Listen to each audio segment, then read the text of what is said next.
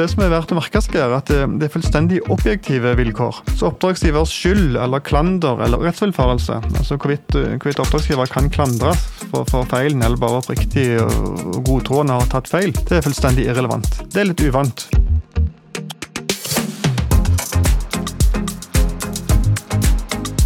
Hei, og hjertelig velkommen til en ny episode av Anskaffelsespodden. Dette er en eh, podkast fra Simonsen Fogtvik, hvor vi tar for oss aktuelle anskaffelsesrettslige tema for å gi deg som lytter en faglig oppdatering innenfor offentlige anskaffelser. Mitt navn er Anders Thue, og jeg er partner i Simonsen Fogtvik. I dag har jeg med meg en eh, gjest i studio, postdoktor Christian Strømsnes fra Universitetet i Bergen. Velkommen, Christian. Hallo, hallo, og mange takk for det. Christian har skrevet uh, boken med den velklingende tittelen Anskaffelsesrettslig uten virkning, og med undertittelen Vilkår og virkninger av at en kontrakt etter en offentlig anskaffelse kjennes uten virkning. Og den boken er da en bearbeidet versjon av uh, doktorgraden din, uh, som du da fullførte i 2020. Ja. Og det er nettopp anskaffelsesrettslig uten virkning som er tema for dagens podkast. Så Kristian, hvordan har det vært å skrive doktorgrad innenfor eh, anskaffelsesrett? Ja, hva, hva skal en si? Eh, først og fremst var det, var det veldig, eh, var jo veldig gøy. Det å kunne få, få, tid til å virkelig fordype seg i, i, noen problemstillinger. Jeg har jobbet som advokatfullmektig tidligere, og da savnet jeg nettopp det at en kunne fordype seg lenger enn det klient hadde evne eller vilje til, til å betale for. Og det var, det var greit å kunne gå såpass dypt i, i materien nå, som et slikt arbeid legger opp til. Men ved siden av å være gøy, så er det også ganske stress. Det, det er jo et uoversiktlig og ganske stort arbeid som en, som en bier seg ut på. En, en, har jo en innleveringsfrist fire år eh, frem i tid. Det, veien blir av og til liksom, til etter hvert som en, som en går. Eh, blant annet så endret jo mitt prosjekt seg en del eh, over, over tid. Hovedproblemstillingen ble noe justert fra, fra uten virkning fra, fra da eh, til om hvorvidt norsk håndhevelsessystem var var i samsvar med effektivitetsprinsippet, og til det da ender opp med et litt mer utvalgt innhold om, om uten virkning i, i, norsk rett. Og I, i tillegg så er det ganske, ganske, krevende å skrive doktorgrad innenfor anskaffelsesrett, eh, iallfall i, i norsk rett, fordi det, det, er ikke skrevet eller forsket så mye om offentlige anskaffelser eh, tidligere. Det, det, er jo en del advokater som, som, du kjenner godt til, Anders, som har skrevet um, ganske mye kommentarutgaver, og de, de er ganske gode eh, kommentarutgaver, men de har jo, som naturlig må være, et, et ganske praktisk eh, tilsnitt.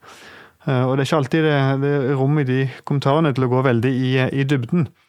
Så når en da skal virkelig i dybden på noe, så har en ikke så mye, mye litteratur å støtte seg til, egentlig. Og, det gjør det da litt mer, litt mer krevende å skrive en, en doktorgrad innenfor anskaffelsesretten i, i, norsk rett, men det, det er noe likevel gøy, egentlig. Og det gikk jo relativt greit òg for min del denne gang. Nei, jeg tror vi må si også at du da dekker et område som eh, selv innenfor anskaffelsesretten heller ikke var spesielt godt dekket da, av verken forskning eller litteratur. Så det, det, er vi veldig glade for. Uh, kan du kort uh, beskrive sanksjonen uten virkning, og hva, hva boken din dekker? Ja, uten, uten, virkning er jo den, den hovedsanksjonen som, som EU-lovgiver har diktert at skal ramme disse ulovlige direkte anskaffelsene. Eh, og, og slike ulovlige direkte anskaffelser, altså at kontrakten inngås uten eh, kunngjøring, eh, selv om regelverket krevde kunngjøring, det er jo av EU-domstolen klassifisert som det mest alvorlige bruddet på, på, på, hele regelverket, egentlig. Slik som er sagt av EU-domstolen i Stadhalle-avgjørelsen. Og, EU-lovgiver ville jo da eh, få bukt med disse ulovlige direkteanskaffelsene, og, og klarte da å bli, bli enig, eller, eller medlemsstatene klarte å bli enige om, om denne denne sanksjonen om at kontrakten skal være uten virkning dersom den er inngått som en ulovlig direkte anskaffelse. Og Formålet er jo da at eh, konkurransesituasjonen skal, skal gjenopprettes. En skal liksom gjøre om på det, det ulovlige som har, har, har, skjedd. Og I tillegg så skal oppdragsgiver få en, en liten smekk på fingrene som motiverer han til å avstå fra slike regelbrudd i, i, i fremtida. Så, så, så, jeg skriver i boka da, denne sanksjonen, hva den, hva den, innebærer. Og i tillegg hva vilkårene er i, i norsk rett, hva de må være oppfylt. Eh, hvilke, hvilke, vilkår som må være oppfylt i norsk rett for at kontrakten kan kjennes uten virkning. Og da òg det, det, nærmere innholdet i, i sanksjonen i, i, norsk rett. Altså hva det innebærer da at, den, at kontrakten kjennes uten virkning. Hva, hva skjer da, eh, liksom? Eh, jeg drøftet der en del utvalgte underproblemstillinger ved at kontrakten er, nå er uten, uten, virkning. Eksempelvis hvordan det blir med tilbakeføringer på ulike stadier i, i oppfyllelsesfasen, og, og, oppdragsgivers mulige erstatningsansvar, og, og, hvem man da er erstatningsansvarlig overfor. Eh, eksempelvis har ikke, ikke valgt leverandør sitt fortjenestetap, den såkalte positive kontraktsinteressen. Den har ikke erstatningsrettslig vern eh, der kontrakten er, uten virkning. Eh, sånn, sånn jeg ser det. Ellers ville jo ikke kontrakten vært, vært uten virkning. Og det er litt annerledes fra en del andre brudd på regelverket, hvor, hvor oppdragsgiver ofte må, eller ikke ofte, da, men noen ganger må erstatte fortjenesten til, til en forsmådd tilbyder. Mm. Syns du at du har gjort noen viktige oppdagelser, eller var det noe som overrasket deg når du jobbet med dette? Blant annet det som jeg nevnte, at positiv kontraktsinteresse til valgt leverandør ikke har, eller etter min mening ikke bør ha erstatningsrettslig vern. Det jeg, litt, eh, jeg føler det er en litt viktig oppdagelse, for jeg fant ikke det synspunktet igjen så mange andre steder. Eh, en del litteratur fra, fra utlandet kom til motsatt resultat. Nemlig at valgt leverandør kunne få erstatning for sin fortjeneste, selv om kontrakten var, var uten virkning. Men den, den, utenlandske litteraturen drøftet ikke så inngående, så jeg følte en oppdagelse når en fikk satt seg ned og gått i dybden, at en da må komme fram til at det nettopp ikke, er, kan, ikke kan være mulig. Mm. Og Videre så gjorde jeg vel en, en oppdagelse om at innholdet i, i uten virkning egentlig ikke er så veldig ulikt heving av kontrakt etter vesentlig mislighold i, i, kjøpsretten, eller det at en kontrakt er ugyldig i, i avtaleretten. Og, og, det overrasket meg vel litt òg, egentlig. Uh, uten virkning var jo beskrevet som en fremmed fugl i, i norsk rett allerede fra da når uten virkning ble, ble innført i norsk rett i 2012. Jeg har vel sjøl brukt den, den, betegnelsen fremmed fugl. Men når en kommer inn i, i detaljene, så, så, er det ikke så veldig ulikt heving eh, ved vesentlig mislighold eller, eller gyldighet eh, ellers. For, for, i begge tilfeller så bortfaller jo kontrakten, og, og, med det oppfyllelsen av, av den. Og, både ved heving og gyldighet så skal jo normalt det som har blitt levert, altså hvis vi ser litt enkelt på det nå, så skal jo normalt det som har blitt levert, tilbakeføres, egentlig. Og slik også ved, ved utenvirkning. Og så er Den kanskje største forskjellen mellom utenvirkning og, og vesentlig mislighold, dermed heving, eller gyldighet, i, i bakgrunnsretten, er dette som jeg nevnte med, med erstatningsansvaret, at det kan være, kan være, ulikt. Eh, men jeg ble som sagt litt overraska over at det var relativt uh, godt sammenfall mellom uten virkning og, og, og um, heving og, gyldighet i, i bakgrunnsretten. Mm. Jeg trodde det skulle være mye mer fremmed enn det, det jeg fant ut at den var til slutt. Denne uten virkning-sanksjonen. Ja, det er interessant. Da er det jo slik at når det blir en sak for domstolene om uten virkning, så er jo partskonstellasjonen jo litt annerledes, i hvert fall, sammenlignet med en sak om heving eller ugyldighet. Hva, hva, kan du si om det? Ja, Du har helt rett i det. Det er en annen, annen partskonstellasjon her. I, I, utgangspunktet, eller, eller strengt tatt, så, så, vil det bare være to parter. Det er oppdragsgiver som, som blir saksøkt, og så er det en klager som, som saksøker oppdragsgiver. Eh, som et normalt søksmål for, for domstolen. Og, denne klageren som saksøker vil jo ofte være en, en tilbyder som ikke fikk eh, konkurrere om, om kontrakten, eller som, som tapte eh, kontrakten i, i, en, i, en, konkurranse som man mener da leid av så, så alvorlige feil at det var en ulovlig direkteanskaffelse. Så, så, i utgangspunktet så er det altså oppdragsgiver og, og en, en, klager, eller for forsmådd tilbyder, som ofte vil være, være klager. Men, eh, men, det kan jo være rom for å, for å, gjøre det mer komplisert. Det kan være rom for at valgt leverandør opptrer som partshjelp på, på oppdragsgivers side. Og, og, kanskje også bransjeorganisasjoner eller lignende vil opptre på, på klagers side som, som, partshjelp, eller til og med på oppdragsgivers side. Og, og, Kanskje kan til og med staten opptre som, som partshjelp hvis saken blir uh, prinsipiell nok.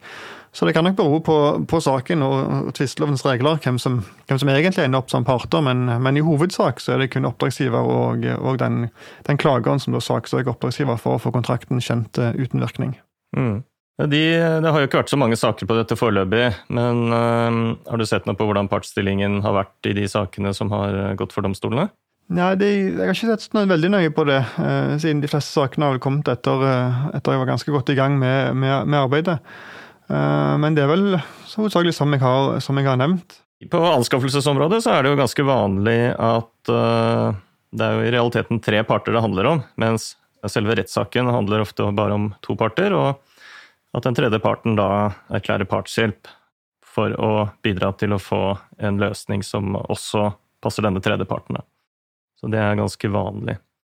Kan du si noe mer, du har vært litt inne på det kanskje, men kan du si litt mer om hva, Hva er de sentrale prinsippene for uh, håndhevelse uten virkning? De, de, mest sentrale prinsippene er de, de, to prinsippene som er veldig sentrale i EØS-retten eh, generelt. Blant annet dette ekvivalensprinsippet om at det ikke må være mindre gunstig å håndheve enn det som følger av nasjonal rett for, for sammenlignbare tilfeller, men enda viktigere er det, det såkalte EØS-rettslige effektivitetsprinsippet, som, som, innebærer at eh, det må ikke være umulig eller uforholdsmessig vanskelig i, i norsk rett å oppnå det som EØS-retten krever, eller, eller å nyte de rettighetene som EØS-retten gir. Og her har jo EU-lovgiver eh, gitt eh, forsmådde tilbydere ved ulovlig direkteanskaffelse en mulighet til å få kontraktene kjent uten virkning, og dermed en ny sjanse til å konkurrere om å, om å bli tildelt kontrakten. Og Da må dette være mulig å oppnå i, i norsk rett. Det, det, må altså være mulig i norsk rett å oppnå at kontrakten nettopp blir uten virkning. Sånn sett så blir det effektivitetsprinsippet veldig viktig for håndhevelse av, av uten virkning.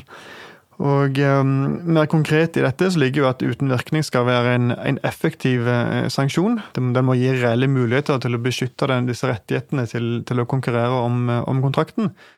Og det må også være en effektiv sanksjon, um, som nettopp er at partenes rettigheter i kontrakten ikke lenger blir håndhevet og oppfylt, dvs. Si at kontrakten faktisk er uten, uten virkning. Og videre må sanksjonen være avskrekkende. Det skal, som jeg nevnte, være en smekk på fingrene for, for oppdragsgiver. Gjerne i form av merarbeide og, og, et eventuelt erstatningsansvar, og, og kanskje også skade på, på og stolthet for de oppdragsgivere som, som vil oppleve det. Og, det siste eh, prinsippet vil vel være at det skal være en, en proporsjonal, en forholdsmessig eh, sanksjon. Den må være egnet til å nå formålet, som nettopp er å motvirke uten, uten virkninger. Og Den må også være nødvendig til å nå formålet. og Så må det også som jeg sier, være en avveining av motstående hensyn, men det er jo i stor grad gjort av, av lovgiver idet den sanksjonen ble, ble gitt. Ja. Men hovedprinsippet er vel at det, må være mulig, eller rettere sagt det må ikke være umulig eller uforholdsmessig vanskelig å oppnå uten virkning i, i norsk rett. Nettopp. Og hva er hovedvilkårene for denne sanksjonen? Hovedvilkårene følger av paragraf 13 i anskaffelsesloven. For det første må verdien være lik eller over EØS-terskelverdien. Det, det, må, må altså være i del tre i den klassiske forskriften. Og, og, for andre så må det forelegge en ulovlig direkteanskaffelse, altså at oppdragsgiver har inngått en kontrakt uten å, uten å kunngjøre først, selv om han skulle vært eh, kunngjort.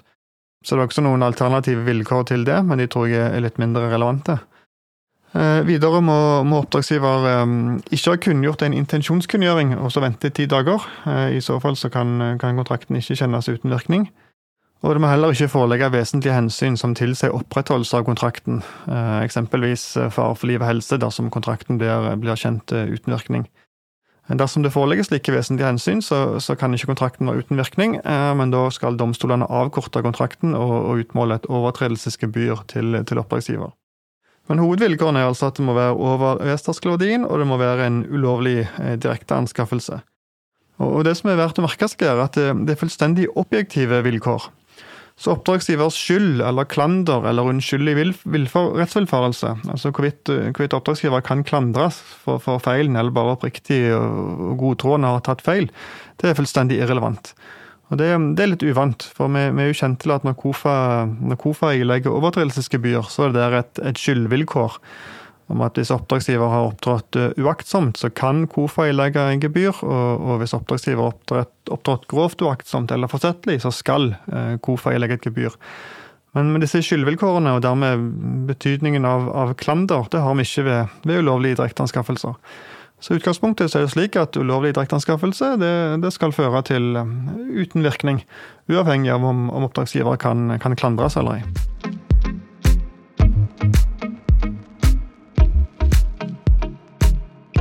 Hvis det er foretatt en, en ulovlig direkteanskaffelse, men det kan være da samfunnsmessige hensyn som tilsier at, uh, at man ikke bør uh, sette denne kontrakten til side, hva kan du si om den terskelen for domstolen til å la være å sette kontrakten til side da? Den er, den er, nok veldig høy i utgangspunktet. Um, som det står i, i, loven, så må det være vesentlige hensyn til allmennhetens interesser som, som gjør det nødvendig å opprettholde kontrakten. Allerede vesentlige hensyn tilsier at det, det, må være ganske tungtveiende hensyn. Typisk typiske liv og helse, eh, skissert som, som, eksempler i forarbeidene, ble også også nevnt et eh, eksempelvis større idrettsarrangement av type OL eller, eller VM eller lignende, som, som, ikke kan gjennomføres dersom kontrakten settes til side. Det, det kan kanskje oppfylle kravet. Og det må også være, være hensyn til allmennhetens interesser, altså ikke interesser i den konkrete kontrakten. At oppdragsgiver eh, kanskje mister mye tid og mister mye ressurser, det, det er altså ikke, ikke nok. Det, det, må være allmenne interesser. Eh, så, så terskelen er er nok veldig høy, eh, egentlig. Den har vel blitt vurdert, iallfall i én sak fra, fra en, en, tingrett, hvor saken gjaldt et overvåkningssystem i en, i en svømmehall et system som da skulle overvåke de badende, og, og, se om noen av de, av de trengte, trengte sånn hjelp. Badevaktsystem, egentlig. Uh, og Der kan jo si at liv og helse sto på spill. Dersom kontrakten ble kjent uten virkning, så ville systemet ikke bli levert, og da, da kunne jo folk kunne drukne i bassenget uten at uh, badevaktene ville se det, fordi de ikke hadde disse digitale kameraene til å hjelpe seg. Men der, der, mente tingretten at nei, dette kunne oppdragsgiver kompensere på andre måter, eksempelvis med å øke bemanningen av, av, av badevakter i, i svømmehallen. Så, så, Der fant domstolen at disse vesentlige hensynene til allmennhetens interesser de, de var ikke høye nok i, i, i, denne saken. Så terskelen er nok veldig høy.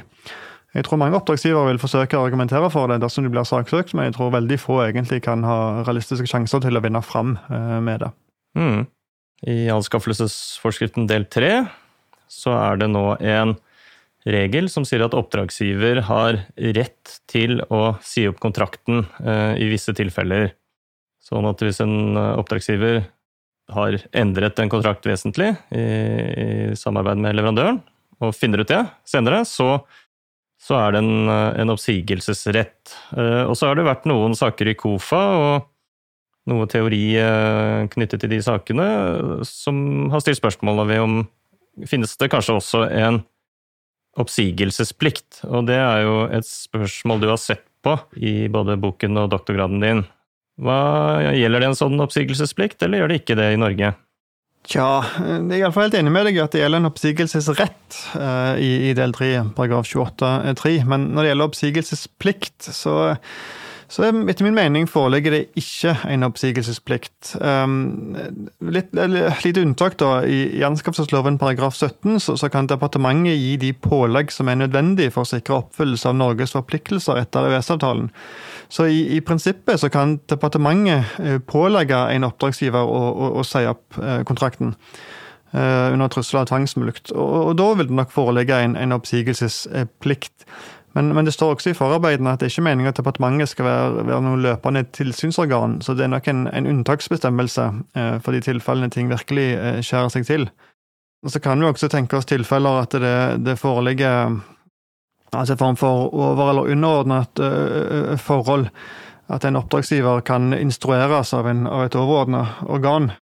Det kan, kan tenkes, og da kan et overordnet organ beordre kontrakten sagt opp. Det vil jo kunne innebære en oppsigelsesplikt. Men, men, det vil også være i, i, i ganske snevre eh, tilfeller, um, siden de fleste oppdragsgivere er jo selvstendige eh, organ og, og rettslige subjekter i seg selv. Så, så, for de aller fleste oppdragsgiverne så vil jeg mene det ikke foreligger en oppsigelsesplikt. Um, spørsmålet har vært behandla i, EU-domstolen eh, flere ganger. Uh, også på, på, det har vært direkte anførsler fra generaladvokaten om, om hvorvidt det foreligger en plikt, og en generaladvokat har også argumentert for en slik plikt. Men, men EU-domstolen har, har, ikke gått løpet fullt ut. EU-domstolen har bare uttalt at det er en plikt til å etterfølge eller etterleve de avgjørelsene fra EU-domstolen. Men, men, hvordan det skal gjøres, det, det sier ikke EU-domstolen. Og videre overlater EU-domstolen dette til nasjonalrett. Så, så på EU-nivå så, så, mener jeg at det ikke finnes noen plikt til å si opp eh, kontrakter som er, som er inngått som ulovlige direkteanskaffelser. Når du ser på nasjonalrett sånn ved siden av de, de unntakene jeg, jeg, nevnte for, for, der det finnes et overordnet forhold, eller, eh, eller um, departementet beordrer det, så, så, er det også som du sier, KOFA har i noen saker uttalt seg om, eh, om oppsigelsesplikt og kommet til oppsigelsesplikt, men det er ganske gamle saker som er, som er litt tynt begrunna rettslig. Og Bildet har blitt noe mer nyansert etter hvert som tiden har gått og flere KOFA-saker har kommet til, og det foreligger også KOFA-saker som rett fram sier at det ikke foreligger en oppsigelsesplikt. Rettskildene spriker, for å si det sånn.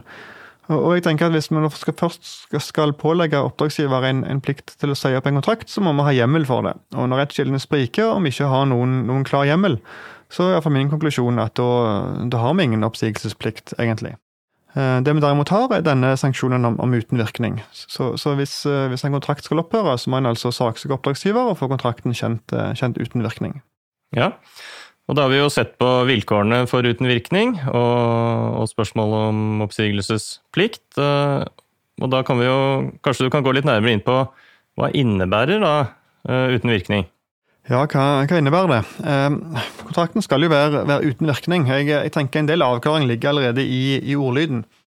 Eh, det, er vel, det er vel, tre, eh, tre aspekter i dette med, med uten virkning. Eh, innholdet i uten virkning. Det, det, første er jo at kontrakten ikke lenger skal oppfylles. Altså kan, kan, leveringer og betalinger i henhold til kontrakten ikke lenger skje. Eh, så partene må slutte å, å, levere i henhold til kontrakten, og slutte å betale i henhold til kontrakten. Kontrakten finnes ikke lenger, så, så de har ikke noe rettslig grunnlag for å verken kreve eller utføre sine, sine leveringer eller, eller, betalinger. Eh, det andre aspektet er at det som allerede er levert eller er betalt, det må etter omstendighetene gjøres om, eh, leveres tilbake, så langt det, det er mulig. Der er bildet igjen litt mer nyansert. Eh, dette med tilbakelevering har sammenheng med, med, at retten er uten virkning. Det som heter ex-tunk, altså med, med, med, tilbakevirkende kraft. Kontrakten er uten virkning med tilbakevirkende kraft eh, dersom kontraktytelsen kan tilbakeføres i vesentlig samme stand og mengde, som det står i, i, i loven. Så, så dersom kontraktsytelsen kan leveres tilbake i vesentlig samme stand og mengde, så, så, vil nok domstolene ofte komme til at kontrakten er uten virkning med tilbakevirkende kraft. Og, og da må partene levere tilbake det som allerede er, er, levert. Eh, men dersom det som er levert ikke kan tilbakeføres i vesentlig samme stand mengde, fordi det er forbrukt, eller det er tale om, om konsulenttjenester eller lignende som, som, ikke kan tilbakeleveres, så vil kontrakten bare være uten virkning av det som heter ex nunc, altså for, for fremtidige leveringer. Og, og da er det jo ingenting å, å, å, å levere tilbake. Og I stedet for tilbakelevering må oppdragsgiver da betale et overtredelsesgebyr som domstolen fastsetter på inntil 15% av, um, av, av um, kontraktsverdien. Og det er disse to virkningene, altså det at kontrakten ikke lenger skal oppfylles, og det at det som er levert skal leveres tilbake igjen, eh, de gjenoppretter konkurransesituasjonen, som dette var formålet med, med sanksjonen. Og Det tredje aspektet det er et mulig erstatningsansvar for, for um, valgt leverandørs uh, utgifter. Uh, at oppdragsgiver må erstatte de utgiftene valgt leverandør har ved å, å inngått denne kontrakten, og eventuelt levere tilbake det som skal, skal leveres tilbake. Og I tillegg vil nok oppdragsgiver i mange tilfeller ha erstatningsansvar overfor de håndhevelseskostnadene som, uh, som denne klageren som saksøker har til, til søksmålet. Erstatningsansvaret bidrar også til å gjenopprette konkurransesituasjonen og fungerer også preventivt for, for oppdragsgiver. Så, så, i sum så skal altså kontrakten ikke lenger oppfylles. Eh, det som er levert, må etter omstendighetene leveres tilbake igjen. Og oppdragsgiver kan ha et mulig erstatningsansvar overfor, overfor tilbyderne. Er det mulig å si noe mer om eh, Hvis domstolen sitter der og du har en, eh, en avtale hvor noe er levert. Det er kanskje vanskelig å få levert tilbake noe av det, men det aller meste kan man klare å få levert tilbake. Og så det vesentlig samme stand, altså er det mulig å si noe mer om det, eller er det bare sånn, eh, et begrep som domstolene ikke har egentlig puttet noe innhold i foreløpig, og, og som man må bare vente til domstolene putter innholdet i det? Er det mulig å si noe mer om det, eller? Eh, det, det er meg bekjent eh, ikke putter noe innhold inn i, i, i vesentlig eh, samme stand og mengde ennå fra domstolene. Um, så, så, så det bero på en konkret vurdering hva som da er vesentlig samme stand og mengde. Og, og ordet vesentlig indikerer jo at det må være, må være ganske nærme sånn det ble, som ble levert til kontrakten, men det bør jo ikke være helt identisk.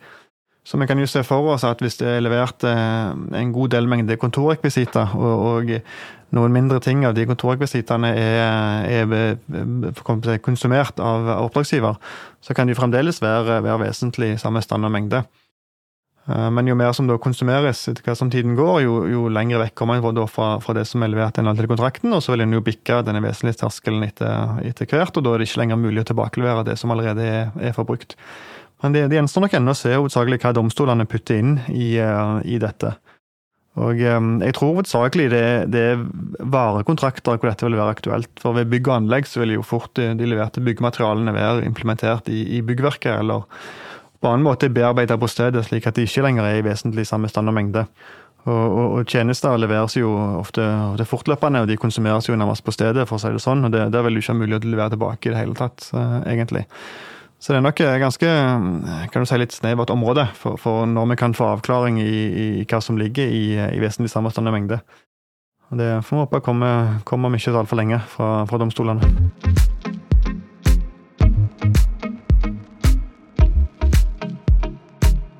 Så er det jo sånn at uh, saker om uten virkning, uh, de har det ikke vært så mange av. Det kan hende at det kommer flere fremover.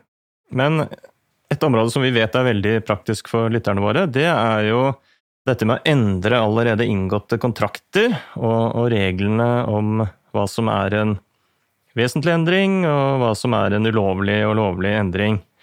Og dette er jo da regler som begrenser hvilke endringer en offentlig oppdragsgiver og en leverandør kan avtale i en allerede inngått kontrakt. Kan du si noe om hvordan reglene om uten virkning vil fungere i en situasjon der en kontrakt har blitt endret uh, ulovlig eller endret vesentlig? Ja, si, si det. Dette, dette, er et veldig vanskelig um, tema, egentlig. Fordi, um, som du sier, så er vesentlige endringer veldig praktisk. Det, det, det kommer jo ofte endringer på, på kontraktene. Sant? Fordi ja, virkeligheten viser seg å utvikle seg litt annerledes enn en, en, en, forut, en forutsett, eller det en trodde liksom når en, når en inngikk kontrakten. En må, må gjøre noen justeringer etter hvert. Og jeg vil òg si det at det er vel svært sjelden to vesentlige endringer er, er identiske. Så her finnes det jo et hel underskog av, av, problemstillinger om hvordan kontrakter kan endre seg.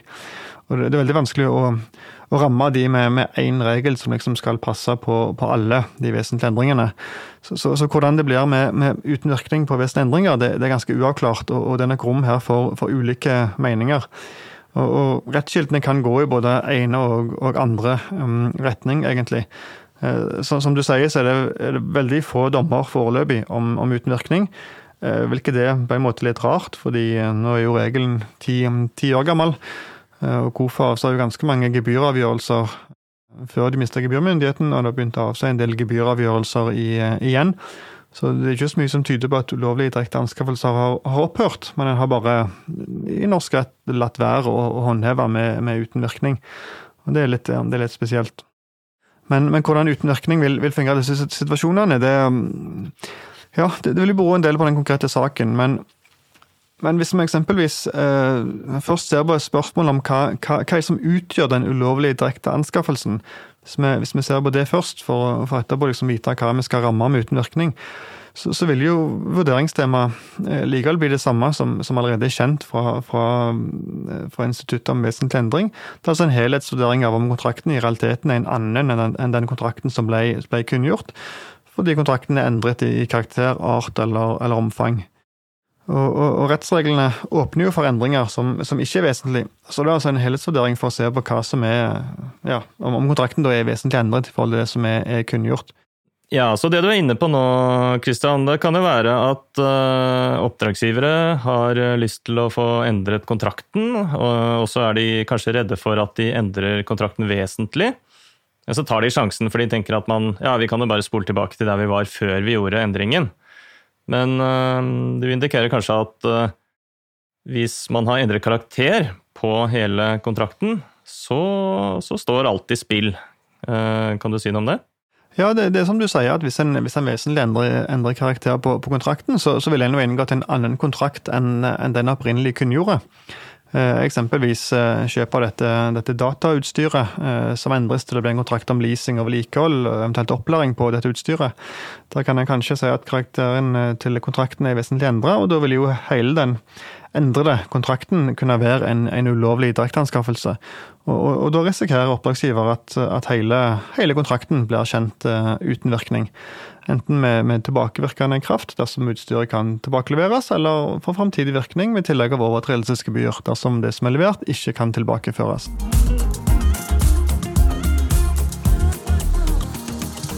Da har vi eh, kommet til veis ende. Tusen takk, Kristian. Eh, dette har vært utrolig nyttig. Og boken din den jo, handler jo om uten virkning og vilkårene for uten virkning og hva det innebærer.